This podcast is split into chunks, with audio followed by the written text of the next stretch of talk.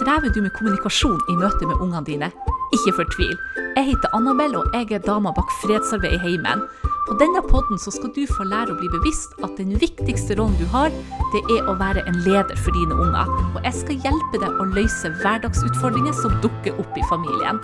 Hvis du ønsker mer inspirasjon, gå til annabelstefanussen.no, så får du ti gratis konkrete tips for tydelig og vennlig kommunikasjon som du kan ta i bruk med det samme. Eh, hva gjør du når ungdommen din vil sitte og spille til langt på natt? Det regner meg ikke den eneste som har slitt med det problemet. Jeg har lyst til å fortelle deg hvordan jeg løste det med vår yngste sønn da han var, gikk siste året på videregående, så han måtte vært mellom 18 og 19 år gammel. Eh, så oppe i eh, andre etasjen i huset vårt så har vi ei loftstue, og der er alle soverommene. Og så våkner jeg midt på natta, eller jeg våkner vel i sånn halv to-halv tre-tida i natt. og jeg skulle gå på do, og da ser jeg poden sitte og spille. Så jeg kjente jeg ble sånn ganske irritert, og, men jeg, jeg sa nå ingenting, så jeg gikk, jeg gikk, bare og la meg, faktisk. Eh, dagen etter, eller natta etter, så skjedde faktisk akkurat det samme. Jeg ser at han Nikolai han sitter oppe og spiller, og det er midt på natta. Eh, jeg kjører nå på jobb og begynner å tenke på det her, og tenker at eh, jeg er nødt til å stramme det her inn. Jeg er faktisk nødt til å gi han leggetid. Så ble jeg så usikker, for jeg tenkte, jeg husker jo ikke når om han var 18 eller 19. Det kan godt hende han var 19, for han gikk nå som sagt siste året på videregående. Og så kjente jeg at men svart, nå kan jeg gi en 19-åring, kan jeg ha leggetid på en 19-åring? Så jeg tenkte meg nå litt om, og så kom jeg fram til at jo, jeg tror jeg kan eh, drøfte det her med Nikolai. Det er jo som jeg har sagt til dere tidligere, at det handler veldig mye om formen. ikke sant? Jeg bruker å si at alt kan sies når formen er god. Og med form så mener jeg måten vi tar opp ting på. Og det som jeg vil at du skal få med deg nå, det er å lytte litt til hvordan jeg gjorde det. For jeg har veldig god hukommelse på ting som har gjort inntrykk eller som har virka, og også ting som ikke har virka. Så det er jeg ganske god på å gjenfortelle. Så det som jeg valgte, det var å snakke i vi-form til Nikolai. Så jeg spurte Nikolai eh, tredje dagen jeg kom hjem, så sier jeg til Nikolai at eh, Nikolai, eh, kunne jeg og du ha hatt en samtale i lag? Ja da, så sa han det var helt i orden. Og så, Da hadde jeg jo liksom tenkt meg litt om hvordan skal jeg nå ta det opp med han, så jeg sier til han at eh, Nikolai, vet du hva jeg ser? Det er at både du og jeg, vi er jo B-mennesker begge to. Og man kan jo ikke si det med mindre det stemmer, så jeg er jo et B-menneske. Ja, så det var han enig i, det så han også. Så sa jeg, en annen ting som jeg legger merke til, det er at eh, vi begge kan ha en tendens til å bli sittende oppe litt utover natta. Jeg er fæl å sitte med Facebook, eller kan jeg bli sittende og se på Netflix? Og så ser jeg at du kan bli sittende og spille litt utover natta. Ja, han, han var enig i det. Han, så, han kunne også se at vi begge kunne gjøre det. Så sier jeg noen ganger hvis jeg har vært oppe for seint, så kan jeg kjenne at jeg, eh, at jeg er ganske trøtt dagen etter når jeg skal på jobb. Kan du kjenne det, Nikolai, om du er føler deg uopplagt og litt trøtt når du skal på skolen? Jo da, han sa ja, det, det kunne han kjenne.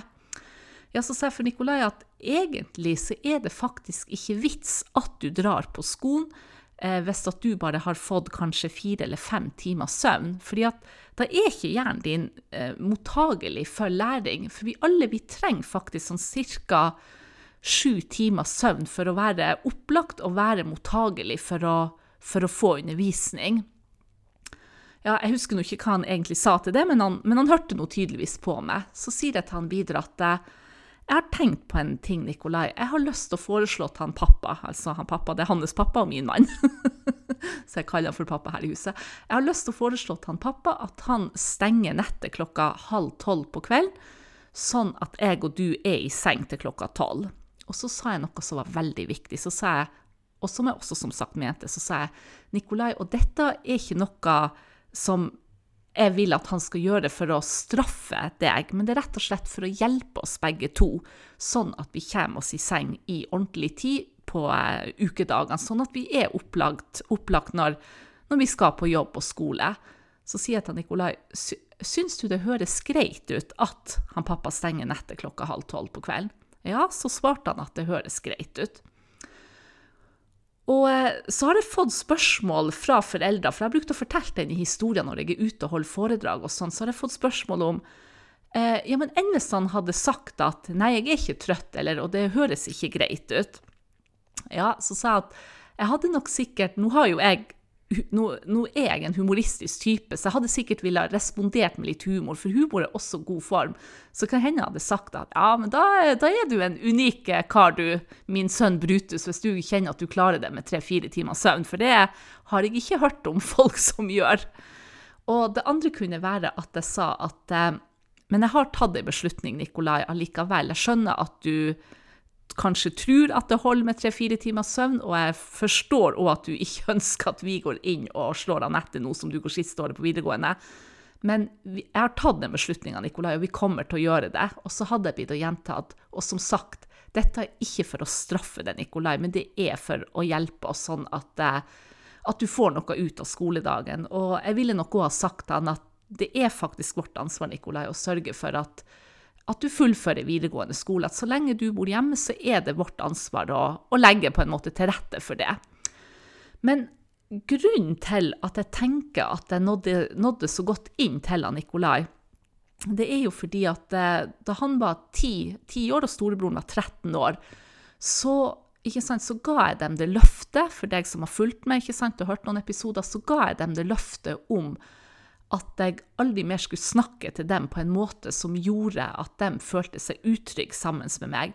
Så det er klart, nå var Nikolai 18 år, og han hadde åtte års erfaring med ei mor som hadde endra kommunikasjonen sin. Så det er klart, jeg og han vi har bygd, vi hadde bygd da, ikke sant, en mye bedre relasjon, og han var vant med ei mamma som snakka mye vennligere til han. Så det som er min misjon med fredsarbeid i heimen, det er å inspirere deg som forelder til å se på din rolle som en lederrolle. Tenk på det at du har faktisk verdens viktigste lederrolle. For igjen, hvem andre ledere er det som faktisk skal følge de samme menneskene og ha innflytelse på dem i 20 år eller mer? Det er ikke noen bedriftsledere som jeg vet om, som har den rollen over så lang tid. Så husk at det ligger veldig mye kjærlighet i å se på foreldrerollen din som en lederrolle. Ikke vær redd for å være leder. Og forsøk å tenke med deg sjøl, hvis du har hatt flere ledere, hvilke ledere er det du virkelig har satt pris på?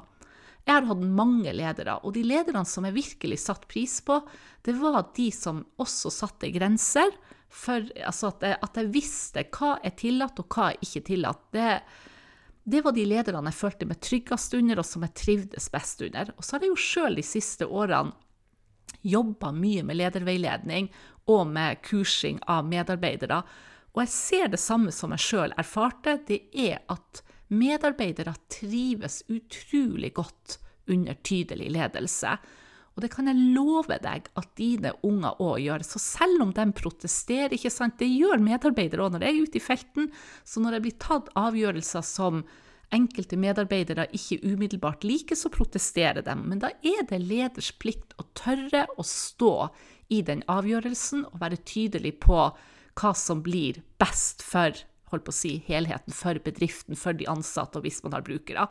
Og det er din jobb som forelder. Og du skal ha, og du har, et større overblikk, og du har mer forståelse enn din tenåring har. Så du skal tørre å ta denne samtalen og skjære igjennom. Men det som kommer til å skille mellom om det blir mye protester, eller om ungene hører på det, det er har mye med måten du tar dette opp på, og jeg liker veldig godt å bruke vi-formen og vise at også jeg har mine feil som ikke sant, som jeg sier, at jeg var òg et nattmenneske. Sånn at når du viser på, annet, på, en eller annen måte at også du har noen ting som du kan forbedre, så gir det også en, på en måte en tyngde og en troverdighet. Ja, da håper jeg du fikk glede av dette tipset.